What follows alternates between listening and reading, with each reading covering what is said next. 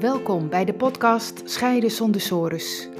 Ik ben Annewieke van der Boom en ik begeleid mensen die op het punt staan te scheiden en bang zijn voor een financieel drama, verlies van contact met je kinderen en eindeloze discussies met hun partner naar een nieuwe situatie waarin je meer quality time hebt met je kinderen, weer respectvol en ontspannen met je partner kunt communiceren en weer financiële duidelijkheid hebt. In deze podcast geef ik je informatie, tips en achtergronden die jou kunnen helpen goed door je scheiding heen te komen, met als resultaat weer plezier en energie om verder te gaan met je toekomst, voor jezelf en voor je kinderen. Dat is Scheiden zonder sores.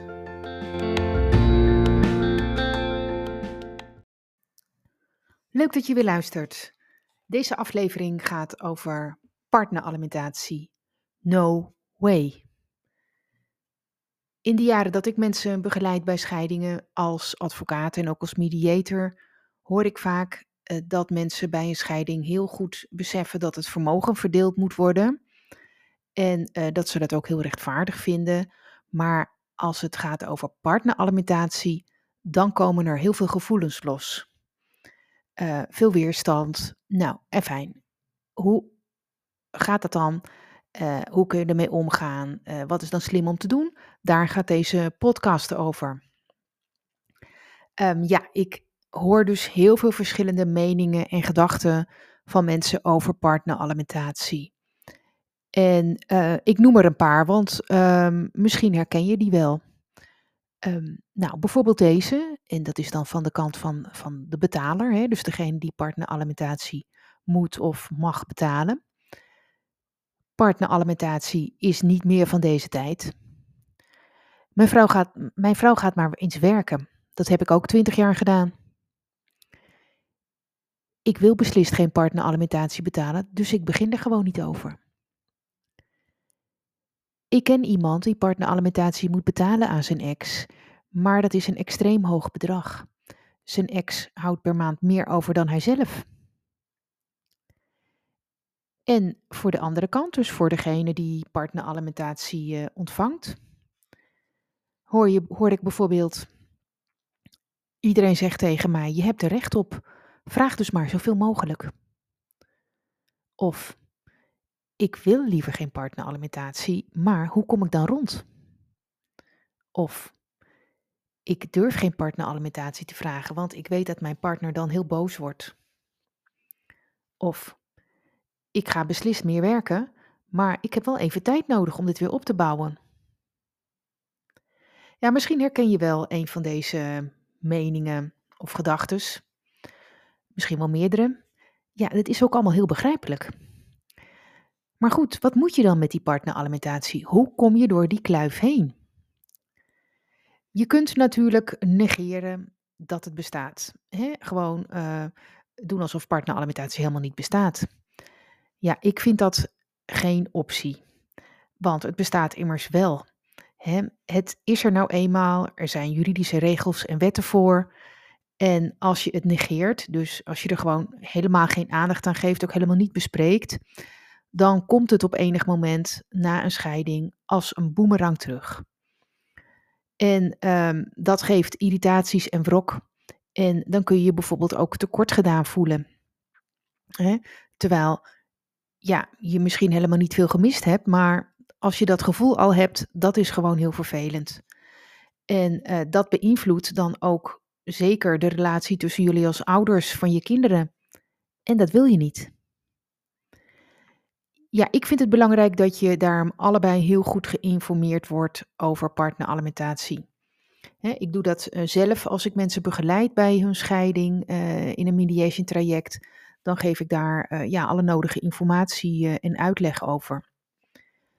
Um, nou, ik heb nog een andere podcast gemaakt, nummer 17. En die gaat wat meer over uh, richtlijnen, de wijze van berekening, de duur, de hoogte en zo van partneralimentatie. Dus daar ga ik nu niet op in. Ik ga nu wel aandacht geven aan wat nou zinvol is om te bespreken als je het hebt over partneralimentatie. Ja, en dan um, spelen er um, heel veel facetten een rol. En die mogen allemaal op tafel komen. En dan gaat het erom, wat is voor jou daarbij dan belangrijk en wat is voor de ander daarbij uh, belangrijk? En aan welke facetten moet je dan denken? Nou, um, daar zal ik een paar van noemen. Waar moet je nou aan denken? Bijvoorbeeld, hoe kom je straks rond als je alleen woont? En hoeveel heb je dan te besteden? Dat is voor allebei van essentieel belang. Maar ook um, gaat het om het werk dat je nu doet en om je toekomstplannen daarmee. Bijvoorbeeld, ga je ander werk doen? Of ga je meer werken? Of ga je een opleiding doen? En um, ja, hoeveel tijd kost dat dan? Hoe lang ben je daarmee bezig? En wat zijn je vooruitzichten? Um, ja, en hoe, hoe, hoeveel ben je nog kwijt aan allerlei uh, kosten, bijvoorbeeld voor je kinderen? Uh, nou, en ook heb je bijvoorbeeld spaargeld of ander vermogen waar je inkomen uit kunt halen of aanvullend inkomen. En wat worden straks je woonlasten? Um, maar ook heb je behoefte aan partneralimentatie? Of een ander facet. Misschien wil je beslist geen partneralimentatie ontvangen. Hè, uit principieel oogpunt, omdat je niet meer afhankelijk wilt zijn van je partner. Hè, maar dan wil je bijvoorbeeld wel een wat groter stukje van het vermogen. Um, hè, iets meer dan de helft van een bepaald onderdeel bijvoorbeeld, als een soort compensatie. Een ander facet is misschien heb je een onderneming en um, is je winst wisselend. Hè, dit jaar misschien wat minder dan vorige jaren of juist meer. Hoe zal het volgend jaar zijn? Wat zijn de vooruitzichten? Um, ja, heb je dan alimentatie nodig van je partner? Of als jouw partner alimentatie nodig heeft, kun jij dat dan betalen? Uh, hoe zijn eigenlijk de vooruitzichten van je onderneming? En, ander facet, hoe wordt straks het totaalplaatje? Hè? Dus je hele inkomens- en vermogenpositie. Nou, al die facetten zijn heel belangrijk om eerst allemaal goed door te spreken. En daarna kun je dan kijken, wat zou een passend bedrag zijn uh, aan partneralimentatie dat voor allebei acceptabel is. En ook voor hoe lang, hè? welke periode. Uh, twee jaar, drie jaar, vijf jaar, tien jaar. Of bouw je het bedrag misschien in een paar jaar af? Dat kan ook. Dat je begint met een wat hoger bedrag en een jaar later wat lager bedrag en daarna een jaar nog wat lager bedrag en daarna nul. Mag ook. Of ga je het misschien afkopen? Um, en dat klinkt vaak aantrekkelijk. Um, en dat is het ook, want dan kun je er allebei een streep onder zetten. He, dan zit je niet meer jaren aan elkaar vast. Veel mensen vinden dat gewoon um, heel fijn en daar kan ik me ook iets bij voorstellen. Maar goed, dan moet je het wel eens worden over het, de hoogte van het afkoopbedrag. He, en dat zijn best lastige discussies. Um, en je moet ook goed geïnformeerd worden over de fiscale consequenties daarvan. Ja, dus dit wilde ik eigenlijk delen met jullie over um, de facetten van partneralimentatie.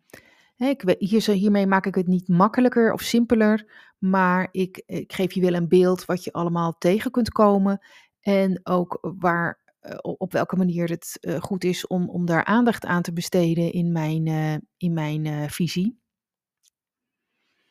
Ja, dus ben je bezig met je scheiding en ben je nieuwsgierig naar de manier waarop ik je daarbij kan begeleiden? Dan kun je heel simpel een persoonlijk adviesgesprek met mij aanvragen hè, voor jullie beiden. En die link vind je in de show notes bij deze podcast. Of je vindt het op mijn website en dat is annewiekebemiddeld.nl.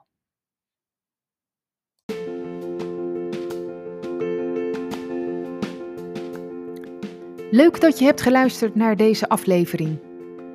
Ben je benieuwd naar meer? Abonneer je dan op deze podcast. Dat kun je doen door bij Apple Podcast op het plusteken rechtsboven te klikken en dan zie je volgen. Bij Spotify door linksboven op volgen te klikken. Wil je meer weten over mijn full service mediation? Bekijk dan mijn gratis video, waarvoor je je kunt aanmelden via mijn website annewiekebemiddeld.nl. Tot de volgende aflevering.